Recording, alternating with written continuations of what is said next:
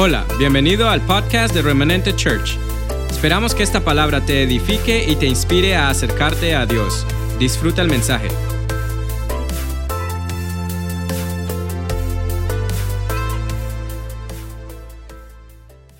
Padre, te damos gracias esta mañana y abrimos nuestro corazón a tu palabra. Te pedimos que nos instruyas, que nos bendigas, que nos hables y que hoy podamos, Señor, recibir esa parte, esa porción que viene de ti, Señor, de tu corazón a nuestro corazón, para que seamos afirmados, seamos fortalecidos, Señor, seamos perfeccionados y seamos establecidos en tu palabra, en el nombre de Jesús.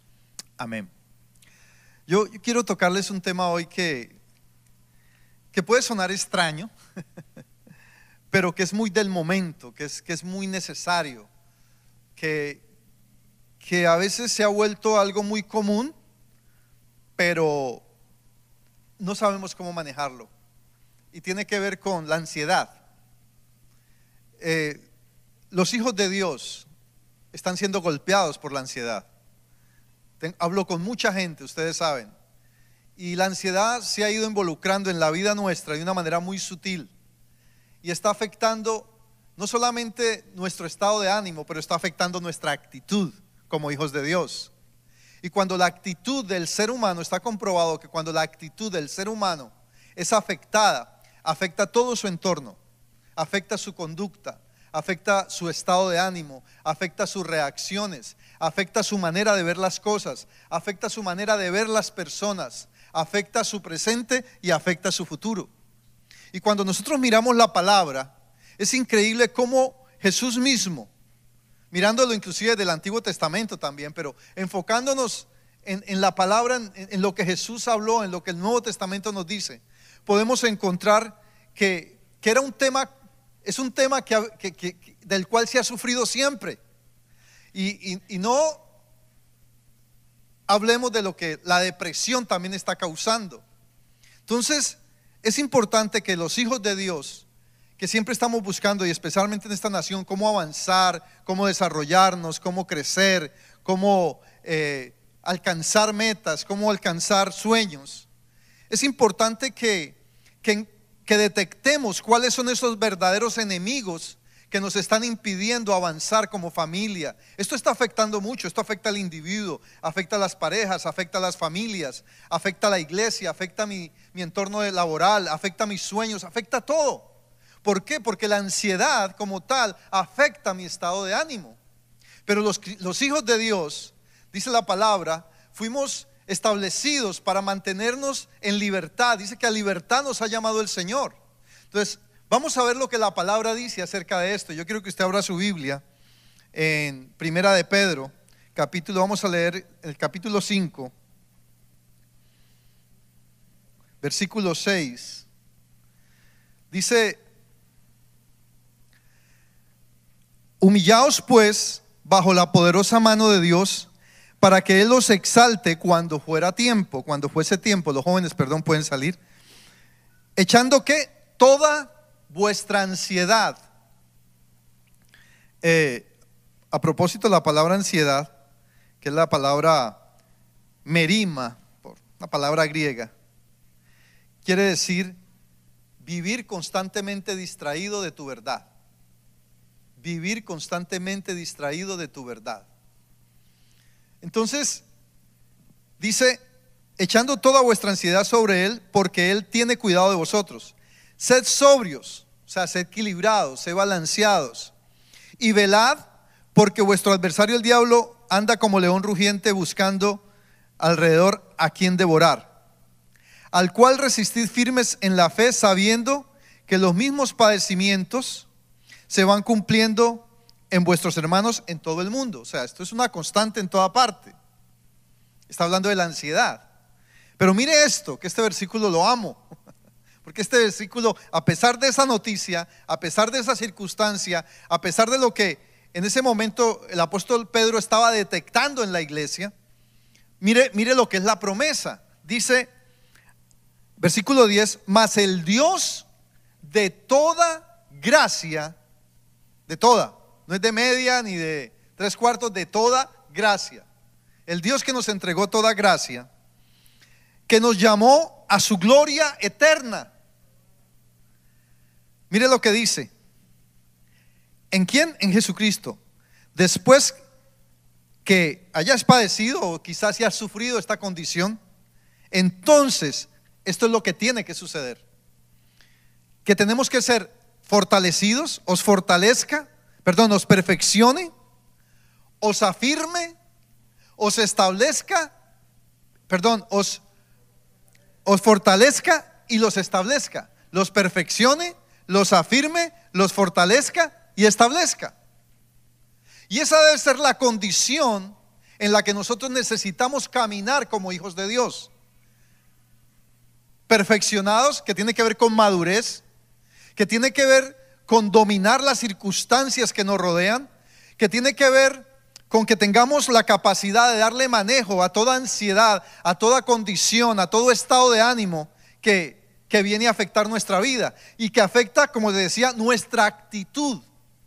Y, este tema de la actitud, más que una frase psicológica, tiene que ver con nuestra conducta misma, con la manera como caminamos, con la manera como reaccionamos, con la manera como nos proyectamos.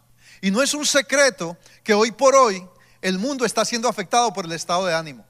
¿Por qué? Porque acabamos de, de salir o estamos saliendo, o todavía estamos viviendo en una condición que ha afectado nuestro estado de ánimo, que ha afectado nuestras emociones, que ha afectado nuestra conducta y obvio ha afectado nuestra actitud.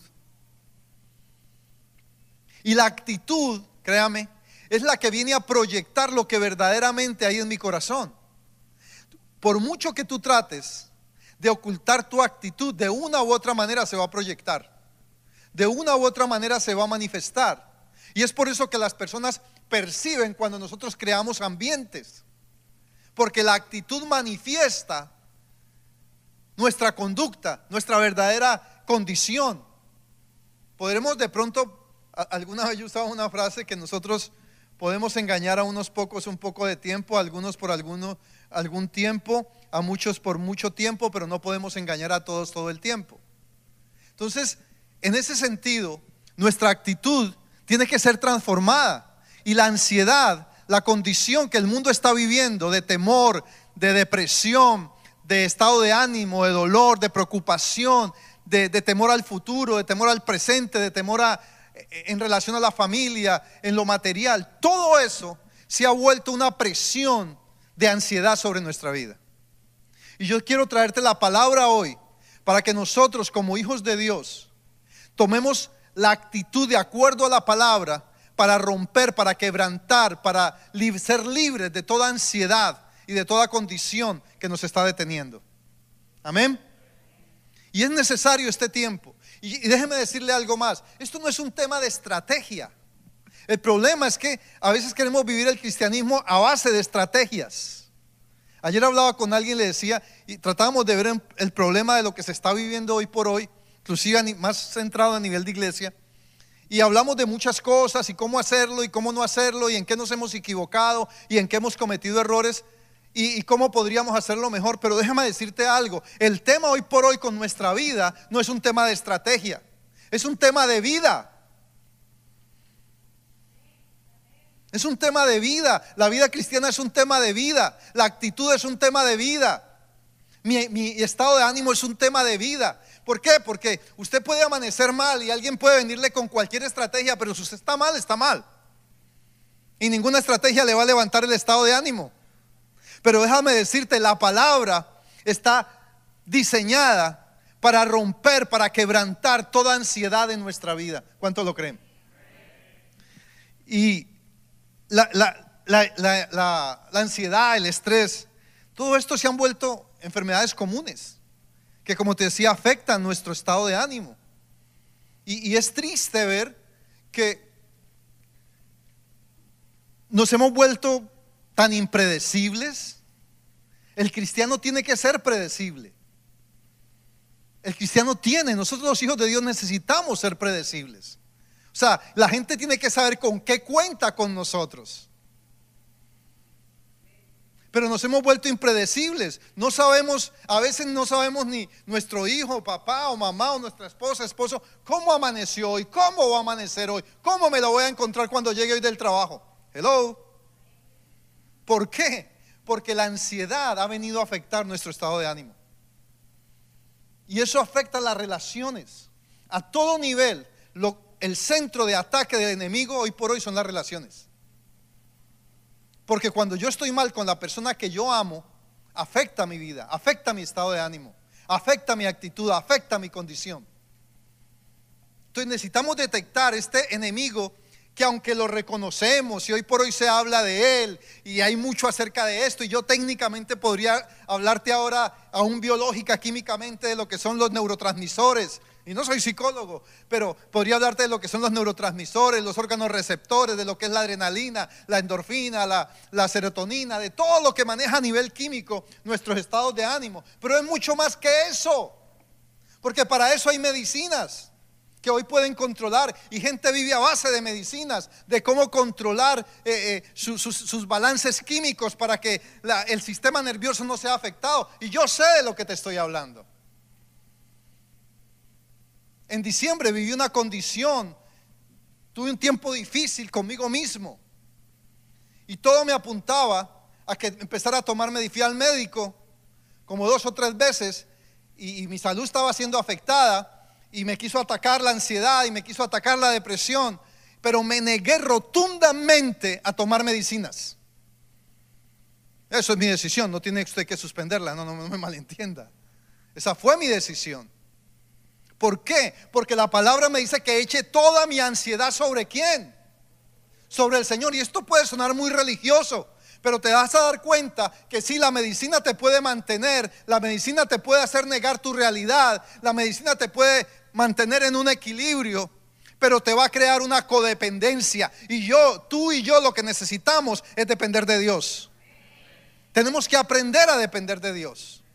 Porque yo necesito, tú necesitas ser qué? Perfeccionado, necesitas ser fortalecido, necesitas ser afirmado y necesitas ser establecido. Amén. Entonces, necesitamos venir al Señor. Porque de una manera u otra no podemos servir a dos señores, dice la palabra en Mateo 6:24.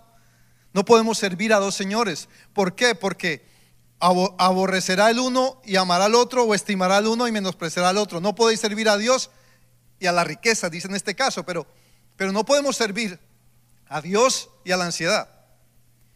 No podemos depender de Dios y de la ansiedad. No podemos depender de Dios y de la medicina. Y no me malentienda, yo quiero que usted, yo no estoy en contra de la medicina, pero cuando hablamos del tema de la ansiedad y la depresión, créame, son de las medicinas más dañinas que existen para el sistema biológico, para el cuerpo. ¿Por qué? Porque, y lo digo porque mi madre lo sufrió también. Las medicinas psiquiátricas o neurológicas quizá no te mantienen, te sacan de una realidad, pero van dañando tu sistema motriz y van rompiendo tu habilidad entonces, de una manera u otra, y yo no soy médico, lo digo por las experiencias que he visto, de una manera u otra, nosotros los hijos de Dios necesitamos ser avisados, ser anunciados de un enemigo que se está viniendo y que está siendo parte de nuestra canasta familiar. Me estoy haciendo entender. ¿Por qué? Porque los hijos de Dios fuimos llamados a libertad. Los hijos de Dios fuimos llamados a paz. Los hijos de Dios necesitamos volver a ese evangelio que se disfruta, ese evangelio que es real, ese evangelio que es genuino, donde no somos sostenidos por la experiencia diaria o por la experiencia ocasional más bien, sino que somos sostenidos por lo que Dios ha dicho acerca de nosotros. Entonces, necesitamos romper esa cultura y esa hegemonía de la preocupación. La preocupación es algo que se ha vuelto cultural. Por ejemplo, hoy por hoy nos saludamos y ¿qué es lo primero que hablamos? Normalmente, normalmente hablamos de un estado de preocupación. Y eso nos incluye a todos. Yo estaba en Colombia y todos los días se hablaba del paro nacional. Que mataron allí, que bloquearon allá, que hicieron esto, que acá, que allá, todos los días. ¿Qué hemos hablado durante año y medio? De la pandemia. ¿Por qué? Entonces todo esto, obviamente, es una realidad que tenemos que enfrentar. Pero ¿cómo esa realidad está afectando mi verdad? Y mi verdad es que yo debo echar toda ansiedad sobre Él porque Él tiene cuidado de mí. Esa es mi verdad. Pero ¿cómo llegamos a esa verdad? Porque suena bonito y suena hasta religioso. A veces lo, lo de la palabra se vuelve tan religioso porque sí, es una demanda que tenemos ahí. Pero ¿cómo lo hago? ¿Cómo alcanzo esto? ¿Cómo yo puedo echar mi ansiedad? Si de pronto estoy preocupado por la parte económica, si de pronto estoy preocupado por mi salud, si de pronto estoy preocupado por mi situación familiar, si de pronto estoy preocupado por mi matrimonio, ¿cómo yo puedo echar mi ansiedad sobre él?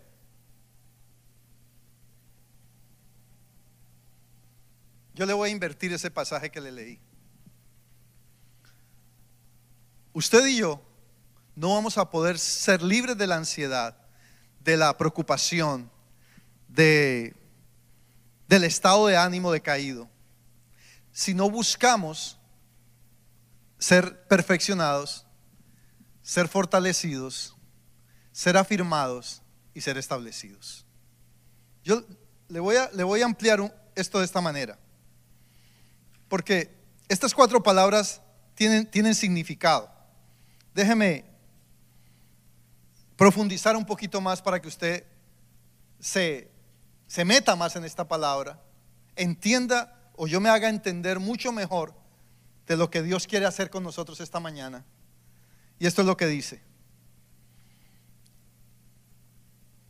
La palabra perfección es la palabra catar, catarizo.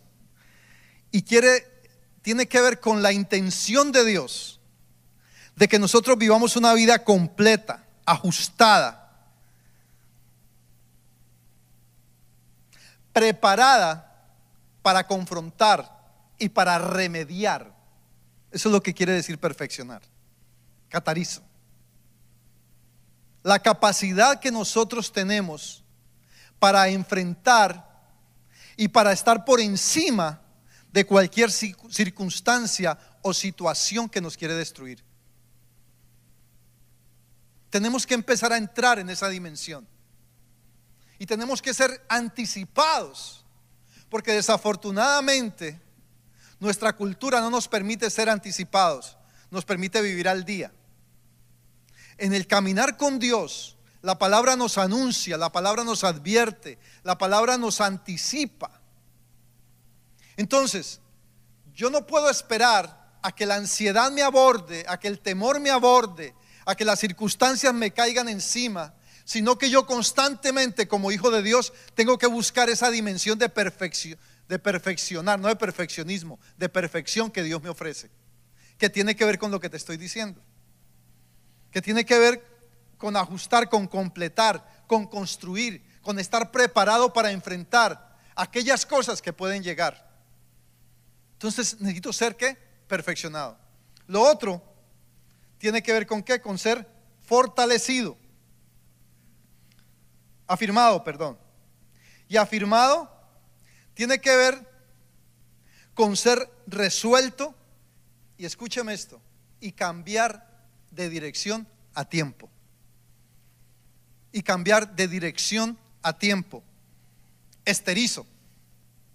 Lo primero fue catartizo, este es esterizo. Es tener la capacidad de a tiempo, o sea, anticipadamente, saber cuándo tengo que cambiar de dirección. Y no dejar que las cosas me sorprendan. Porque cuando las cosas me sorprenden es cuando la ansiedad, el temor, la depresión y el estado de ánimo son afectados. ¿Me estoy haciendo entender, iglesia? ¿Me estoy haciendo entender? La, la cuarta, ¿cuál es? Ser fortalecidos, que tiene que ver con la palabra es seno. Y, tiene, y quiere decir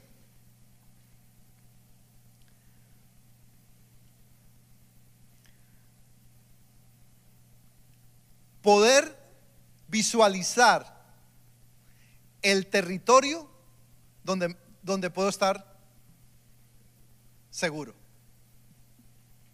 Poder detectar el territorio donde puedo estar seguro. Y el mejor territorio donde yo puedo estar seguro es Dios mismo. No importa en la condición que esté, es que el problema es que nosotros creemos y la religión nos ha hecho pensar que para yo estar en Dios tengo que estar en la mejor condición. No, yo vengo a Dios precisamente no porque estoy en la mejor condición, sino para estar en la mejor condición. Entonces, no se trata de calificarnos. Dejemos de calificarnos a nosotros mismos. Dejemos de calificarnos unos a otros para poder sentirnos afirmados o perfeccionados o fortalecidos. Hoy una persona que se muestra débil es descalificada. No. La misma palabra dice, diga el débil, fuerte soy. Necesitamos romper ese cristianismo de apariencias o inclusive de evidencias, porque todo el tiempo nos piden una evidencia. Aunque yo no tengo una evidencia, aunque tú no tengas una evidencia, yo quiero decirte esta mañana que tú estás parado en Cristo. Esa es tu verdadera condición aunque no haya una evidencia, si alguien viene y te dice, demuéstrame eso, mire, yo no sé cómo se lo puedo demostrar, pero yo sí sé que mi redentor vive. Amén. Entonces, de esa manera, yo voy a ser qué? Fortalecido, perfeccionado, afirmado, fortalecido. Pero viene una mayor, que tiene que ver con ser establecido. ¿Y qué significa? Es la palabra semelió. Semelió. Y quiere decir, ya le digo,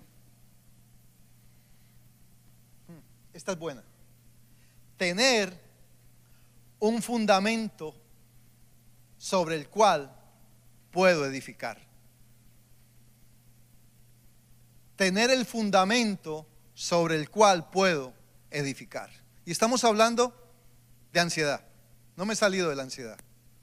Pero el contexto de este pasaje que empezamos a leer dice que echando toda vuestra ansiedad sobre Él, el contexto de esto que le he leído, de ser fortalecido, de ser perfeccionado, de ser afirmado y de ser establecido, era la condición que el pueblo estaba viviendo. Que no difiere de lo que estamos viviendo este tiempo. Pero esto es lo que el Señor nos está mandando, nos está llamando a que tú y yo nos coloquemos en el lugar y empecemos a declarar que somos perfeccionados, que somos fortalecidos, que somos afirmados y que somos qué? Establecidos. Porque eso me permitirá anticiparme y enfrentar la ola de ansiedad, de depresión que está afectando mi estado de ánimo y está afectando mi actitud. No nos podemos seguir refugiando en lo que podemos producir. Porque el ser humano por naturaleza es productivo. Es productivo por naturaleza. Que lo, que lo establezca o que lo aproveche, eso ya es una decisión de cada uno. Pero el ser humano por naturaleza es productivo. Y entonces nos hemos amparado en nuestra productividad. Pero ¿de qué me sirve mi productividad si mi productividad no va a estar fortalecida, ni perfeccionada, ni afirmada, ni establecida? Todo se va a perder. Entonces son tiempos, y vienen tiempos más difíciles, y no quiero ser con esto negativo. Escúcheme esto, escúcheme. Saquémonos de la cabeza que los buenos tiempos son la situación económica. Saquémonos eso de la cabeza. Yo les he hablado por años de eso, que una cosa es ser rico y otra cosa es ser próspero. Y yo te estoy hablando de prosperidad, no de riqueza. Y este país nos ofrece eso. Amamos este país y yo no permito nada contra este país. Pero el sistema nos ofrece que estoy bien porque estoy bien económicamente. Y ese es el engaño más grande que, que este sistema nos ha vendido. Y no nos damos cuenta cómo está mi situación personal, cómo está mi familia, cómo está mi salud, cómo estoy yo. ¿Cómo está mi estado de ánimo? ¿Cómo está mi actitud? Pregúntate eso esta mañana. ¿Cómo está mi actitud? ¿Cómo está mi estado de ánimo? ¿Qué estoy proyectando? ¿Qué le estoy ofreciendo a la gente verdaderamente? Le voy a decir algo. Una de las cosas que a mí me preocupa es la salud. No me preocupa la situación económica, a mí no me preocupa. Pero si algo me afecta y empieza a atacarme la ansiedad, es mi salud. Porque sin salud me, me, limito. La salud, cuando uno está sin salud, eso lo, lo distrae a uno totalmente de lo que uno quiere hacer. Lo mengua, lo afecta. Por eso hay que anticiparse. Porque la ansiedad va a llegar. La ansiedad va a llegar. Hay gente que la ansiedad le cae por el tema económico, por el tema de salud, por el tema de familia, por el tema de los hijos, por el tema del matrimonio, por muchos temas. Pero yo quiero decirte algo, Dios hoy nos está llamando a que seamos perfeccionados, a que seamos afirmados, a que seamos fortalecidos y a que seamos establecidos. Esa es, la, esa es la propuesta de Dios. Y está ahí en la palabra. ¿Y van a haber temores? Sí. Si nosotros recorremos la palabra, Abraham tuvo temor y mintió. Moisés tuvo temor y mató a un, a un soldado. David tuvo temor, Elías tuvo temor y se fue y se metió en una cueva. Jeremías tuvo temor. Todos tuvieron temor. Jesús tuvo temor. A Jesús también lo atacó la ansiedad de Getsemaní. Y afectó muchas cosas en su vida. Pero él que él sabía que el Padre lo perfeccionaba, lo afirmaba, lo fortalecía y lo establecía. Y eso lo sostuvo. Y eso es lo que nos va a sostener. Yo sé que muchas veces has pasado por este pasaje. Y a veces lo vemos como una estrategia, pero es más que una estrategia. Los cambios en tu vida y en mi vida no van a venir a causa de una estrategia. Van a venir a, partir de la palabra. Y una de las situaciones que está afectando hoy, que la ansiedad está ganando, es porque estamos más meditando en los problemas y en las circunstancias que en la palabra. Yo le voy a decir algo, como su apóstol. Esto se lo digo como su apóstol. Vienen cambios fuertes a nivel de vivencia espiritual, de doctrina. Y cuando hablo de doctrina, no, no hablo de esa paranoia de la falsa doctrina que siempre la gente está hablando. Cuando hay algo nuevo, entonces lo primero que pensamos, la religión lo primero que piensa es que es una falsa doctrina. No, al contrario, se van a empezar a derribar todos los enigmas, todos los paradigmas, todos los, los conceptos, las posiciones que la iglesia ha establecido equivocadamente. Y que nos ha llevado a vivir un cristianismo inalcanzable. Déjeme decirle esto. Nosotros los adultos hemos afectado a nuestros jóvenes presentándoles un evangelio que no se puede vivir. Siempre estamos echando de que el diablo es el que no sé qué está dañando a nuestros jóvenes, que no sé qué es lo que está dañando a nuestros jóvenes. No, lo que ha afectado a nuestros jóvenes es que les presentamos un evangelio que no convence. Hay Porque le hemos presentado un evangelio lleno de dogmas, un evangelio dogmático, o sea, de reglas.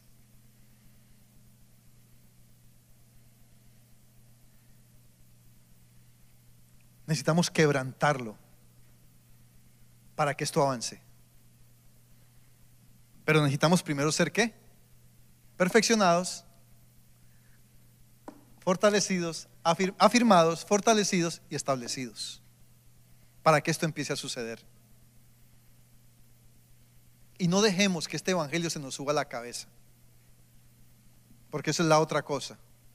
Si usted mira, déjeme decirle esto, la farándula del Evangelio, usted ve una cantidad de jerarcas, tratando de hacer reino basado en su éxito o en sus posiciones o en sus conceptos o en lo que cree que le está funcionando. Pero esto no es un tema de estrategia, esto es un tema de vida. Me estoy haciendo entender, iglesia. Y lo que Dios me ha llevado este tiempo y me está llevando es a que necesitamos cambiar, necesitamos cambiar nuestra mentalidad. Porque cuando hablamos de afirmar, es de saber a tiempo cuando cambio de dirección.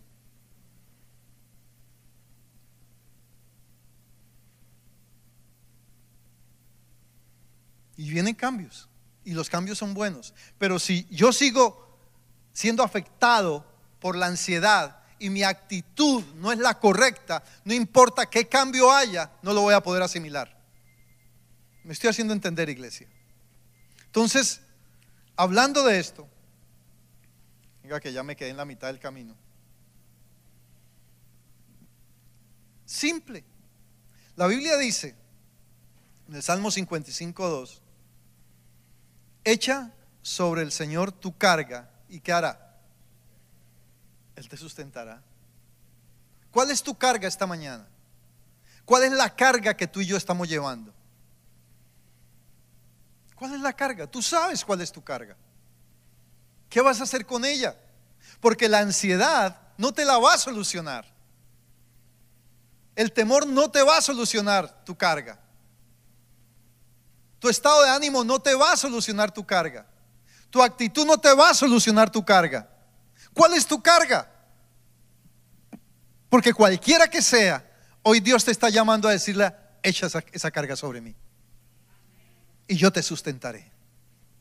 Y yo te sustentaré. Y mire lo otro que le dice. Porque no dejará para siempre caído al justo. ¿Cuál es el temor entonces? Sí, Normalmente alguien me dijo, alguien que ya murió, me dijo un día, y voy a decir quién por honra, el pastor Carlos Peñalosa, me dijo un día, me decía, negro, negro, nosotros a veces somos brujos. Y yo le dije, ¿por qué? Y él me dijo, porque queremos tener el control de todo. Y el control de brujería. Wow, eso, eso, eso sacudió mi vida. Y uno de los grandes problemas que tenemos que nos causa ansiedad es la necesidad de tener el control sobre todo. Pero hay cosas que no vamos a tener el control. No lo vamos a tener. Y la ansiedad no me va a ayudar a tener el control.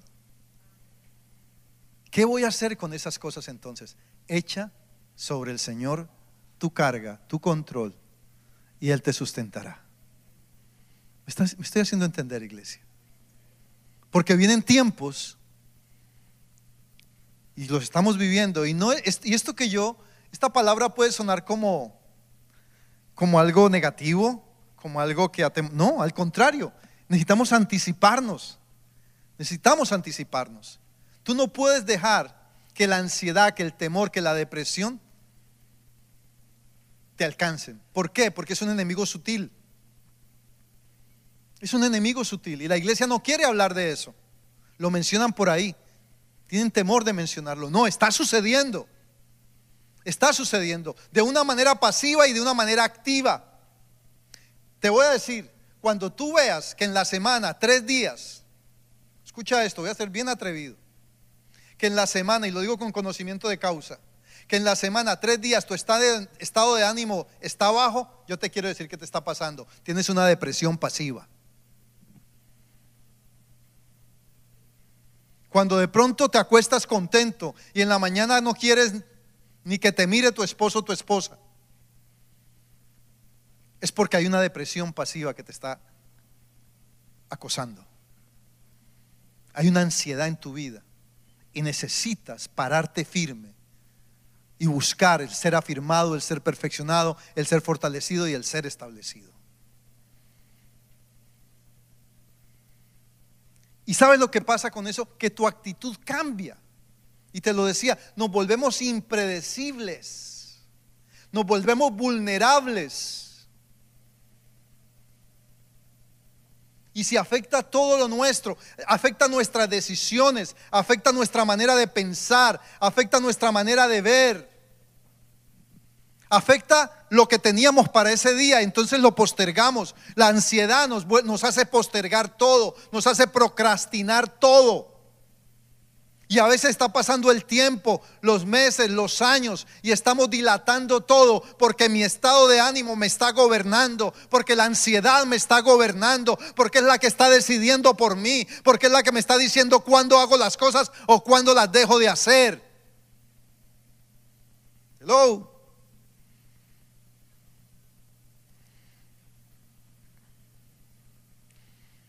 Voy a un momentico a Génesis porque a Jacob le pasó. Génesis 32. Versículo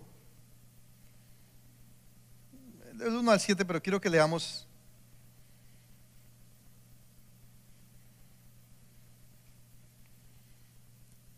Porque Jacob estaba viviendo un tiempo, estaba asustado porque su, su hermano lo estaba persiguiendo. Él tenía temor de que su hermano lo, lo matara. Y él llegó a un lugar, versículo 2, dijo Jacob cuando los vio, campamento de Dios es este, y llamó el nombre de aquel lugar Mahanaim, que quiere decir campamento doble. Y eso era la condición en que Jacob se encontraba en ese momento. Él se encontraba en una dualidad, él se encontraba dividido. Él estaba luchando entre la promesa que Dios le había hecho y el acoso que tenía de su hermano, el temor que él tenía. Y, a veces nosotros vivimos así. Y él estaba en medio, dice, porque campamento del Señor es este. Él estaba en la presencia de Dios. Él estaba ahí en donde Dios se manifestaba. Dios lo había llegado. Si usted ve el, el versículo 1 dice, y Jacob siguió su camino y le salieron al encuentro ángeles de Dios. O sea que Dios estaba con él. Pero él estaba dividido. Y eso nos está pasando, estamos caminando divididos entre la ansiedad y lo que Dios quiere de nosotros. Pero hoy el Señor quiere romper toda hegemonía, toda circunstancia en nuestra vida que nos está impidiendo y que nos está afectando nuestros sueños, nuestros planes, nuestros proyectos.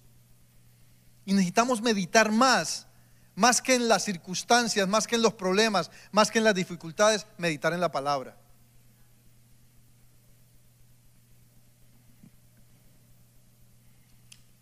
Y voy a saltarme aquí porque ya quiero terminar. ¿Qué hacemos entonces? Apóstol, ¿qué hacemos? Hebreos 4:16 dice, acerquémonos confiadamente al trono de la gracia para alcanzar misericordia y hallar gracia para el oportuno socorro. Y aquí va la solución, simple. Yo no sé cómo tú estés hoy, Y yo te dije, no es un tema de estrategia, es un tema de vida, es un tema de gracia, es un tema de que Dios nos invitó todo el tiempo a echar la ansiedad sobre Él. No importa cómo te sientas. Mire, yo le voy a decir algo. Así estemos que nos sintamos derrotados, en pecado, en fracaso, en juzgado, deshonrado, deshonrada. No importa cuál sea tu condición. Tú eres un hijo, tú eres una hija de Dios. Y lo que Dios te dice esta mañana es que vengas a Él porque Él no está aquí para juzgarte. Él está aquí para liberarte, para fortalecerte, para perfeccionarte, para establecerte, para afirmarte, para fortalecerte. Porque eso es lo que hay en el corazón de Dios porque Él tiene cuidado de nosotros. Mira, te voy a decir algo, así tú estés alejado o alejada de Dios, Dios está teniendo cuidado de ti. ¿Cuál es el hijo que más preocupa? Aquel sobre el cual no tengo acceso.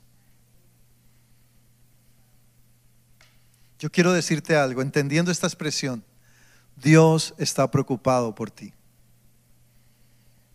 Por eso hizo provisión para ti y para mí.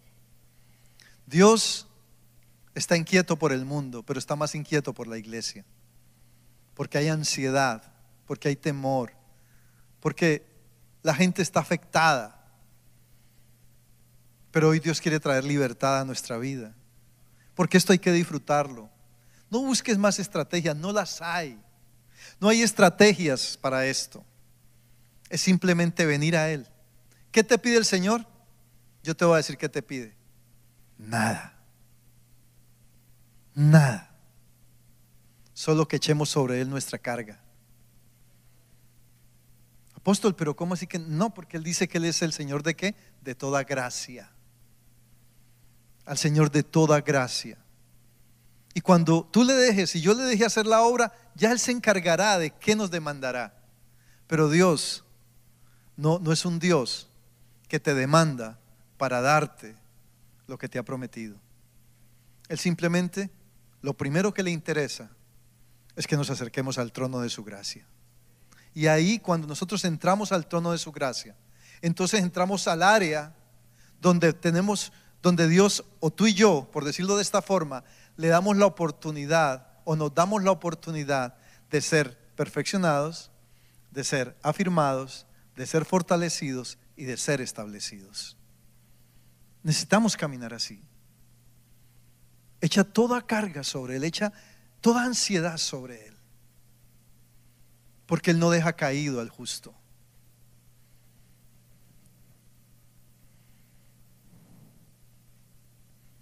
Acércate al trono de la gracia, porque ahí hay misericordia, porque ahí hay socorro oportuno. Quizá tú estás saltando de aquí para allá, buscando una solución, buscando una estrategia, pero Dios no te pide estrategia. Dios simplemente te pide esta mañana que te acerques al trono de la gracia. Y yo quería traer esta palabra sencilla, porque Él dice en, en Juan 16:33, estas cosas os he hablado para que en mí, ¿qué dice? Para que en mí tengáis qué? Paz. En el mundo, o sea, en el sistema, en el diario vivir, tendréis qué? Aflicción, tendréis ansiedad, tendréis temor, estarás afectado en tu estado de ánimo, pero confía. Yo ya vencí eso. Y, ¿Cómo yo, yo quiero hacerme entender de algo? Porque es que cuando uno predica, y todos los predicadores hacemos eso, siempre al final tratamos de dar una solución muy lógica. Yo no te quiero dar una solución lógica esta mañana, yo te quiero dar una solución práctica. ¿Ves la diferencia? Porque la solución lógica es decirte, dedúcelo. La solución lógica es decirte, eh, entiéndelo. Pero cuando uno está en depresión, cuando está en ansiedad, cuando está en un estado de ánimo bajo, uno no ni piensa o no. Uno ni piensa. Uno no sabe cómo. Uno no tiene ganas de nada. Uno quiere escoger la cobija, echarse en la cabeza y que nadie lo moleste. Porque a uno le dan ni ganas de comer, ¿o no? no quiere ni tomar agua, nada, uno no quiere nada. Yo me encuentro con personas que constantemente me dicen, no quiero nada. Porque esa es la condición en que muchos se sienten. Entonces pedirle a una persona que está en esa condición, eh, pero es que no entiendes, es que es tan obvio, no, no es justo. Pero eso es lo que la religión nos ha vendido. Pero yo quiero decirte hoy Dios no te está pidiendo nada. Si estás ahí debajo de la cobija, tú que me estás viendo ahí en, en internet, porque los que están aquí es evidente que no están debajo de la cobija, ya salieron debajo de la cobija. Pero si estás todavía ahí metido, estás metida y no quieres salir de ahí, no salgas, quédate ahí. Pero echa sobre el Señor tu carga. Él tiene, ve al trono de la gracia. Él no te está pidiendo nada porque ni tú ni yo tenemos con qué pagarle la gracia porque ni tú ni yo tenemos con qué pagar el acceso al trono de la gracia. Entonces simplemente echa sobre él, dile, esto es lo que hay. Díselo como lo sientes. Si tienes rabia, díselo con rabia. Si tienes tristeza, díselo con tristeza. Si estás frustrado, díselo con frustración. Dilo con frustración. Si estás que no quieres ver a nadie, dile que no quieres ver a nadie, que escasamente lo quieres ver a él. Esa es la solución práctica. Y esa es la solución cada que tú y yo nos sintamos así. Dios hizo provisión para nosotros. Él sabía lo que íbamos a vivir. ¿O por qué cree que esos versículos existen en la Biblia? Él sabía. Él sabía la depresión que iba a atacar el mundo este tiempo. Él sabía la ansiedad y que esto se iba a ajustar cada día más. Pero ¿qué dice? Que tengamos paz, que en el mundo tendremos aflicción, pero que confiemos porque Él ha vencido este sistema por nosotros. Y si esta es tu condición esta mañana, dile Señor, por simple que sea, siempre, si tú estás viendo que tu estado de ánimo está siendo afectado, más allá de un problema emocional, hormonal, químico, ven al trono de la gracia. Ponte de pies esta mañana y dile, Señor, yo quiero ser perfeccionado, perfeccionada. Yo quiero ser fortalecido, fortalecida. Yo quiero ser afirmado, afirmada. Yo quiero ser establecido o establecida. Cuando tú caminas en esa dimensión, no se van a acabar los problemas, pero vas a tener la capacidad, de acuerdo al significado que te di, de solucionarlos. Porque esto va a seguir, no crea que esto se va a acabar. Esto va a seguir, esto de aquí para adelante, esto va a afectar. ¿O por qué cree que la mayor medicina o, la medicina más consumida en este momento en el mundo son las medicinas neurológicas o antidepresivas o, psiquiátricas? ¿Verdad, Verónica? ¿Así es? ¿Por qué cree que eso está pasando? Porque esa es la condición del ser humano y por hoy. Pero niégate a eso. Tienes cómo. Yo lo pude hacer. Yo te lo digo porque lo pude hacer. Dos situaciones en mi vida he vivido de ansiedad. En el 2008 duré seis meses encerrado en un closet. Algunos salen del closet, pero yo me metí al closet.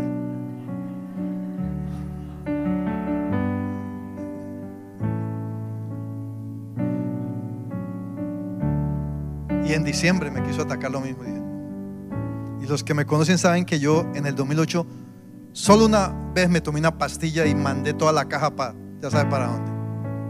Y dije, no, si yo tengo que vivir así, ¿para qué me sirve el cristianismo? Y lo mismo en diciembre me quiso atacar otra vez. Y dije, no. Y había gente a mi alrededor que me decía, si no tomas eso, no. Aún, y lo confieso, perdóname esposita, mi propia esposa me decía, estás mal, tómate algo. No. Estaba mal. No quería eso que le dije, que tenía la cobija, que no quería que nadie me viera, pero no. Eso que dicen que llegó diciembre con su alegría, mes de parranda de admiración, a mí no me pasó. Pero aquí estoy. Porque esa palabra es verdad. Por eso te estoy predicando esto. Juan Carlos decía algo. Hay muchas cosas que todavía no vivo de la palabra, me falta mucho. Pero esta que te estoy predicando, yo la vivo. Amén. Levanta tus brazos al Señor.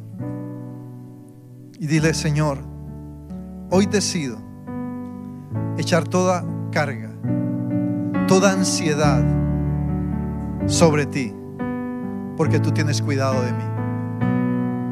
Yo sé que tú no dejas caído a tus hijos. Dígale, yo sé que tú no afectas, que tú no hieres deliberadamente a tus hijos. Y hoy declaro libertad Hoy echo mi carga sobre ti. Echo mi carga sobre ti. Y declaro que tú me perfeccionas, que tú me afirmas, que tú me fortaleces y que tú me estableces. En el nombre de Jesucristo. Amén. Y amén. Denle ese aplauso al Señor. Esperamos que este mensaje haya sido de bendición. No te olvides de suscribirte a nuestro podcast y seguirnos en Facebook e Instagram arroba remanente church.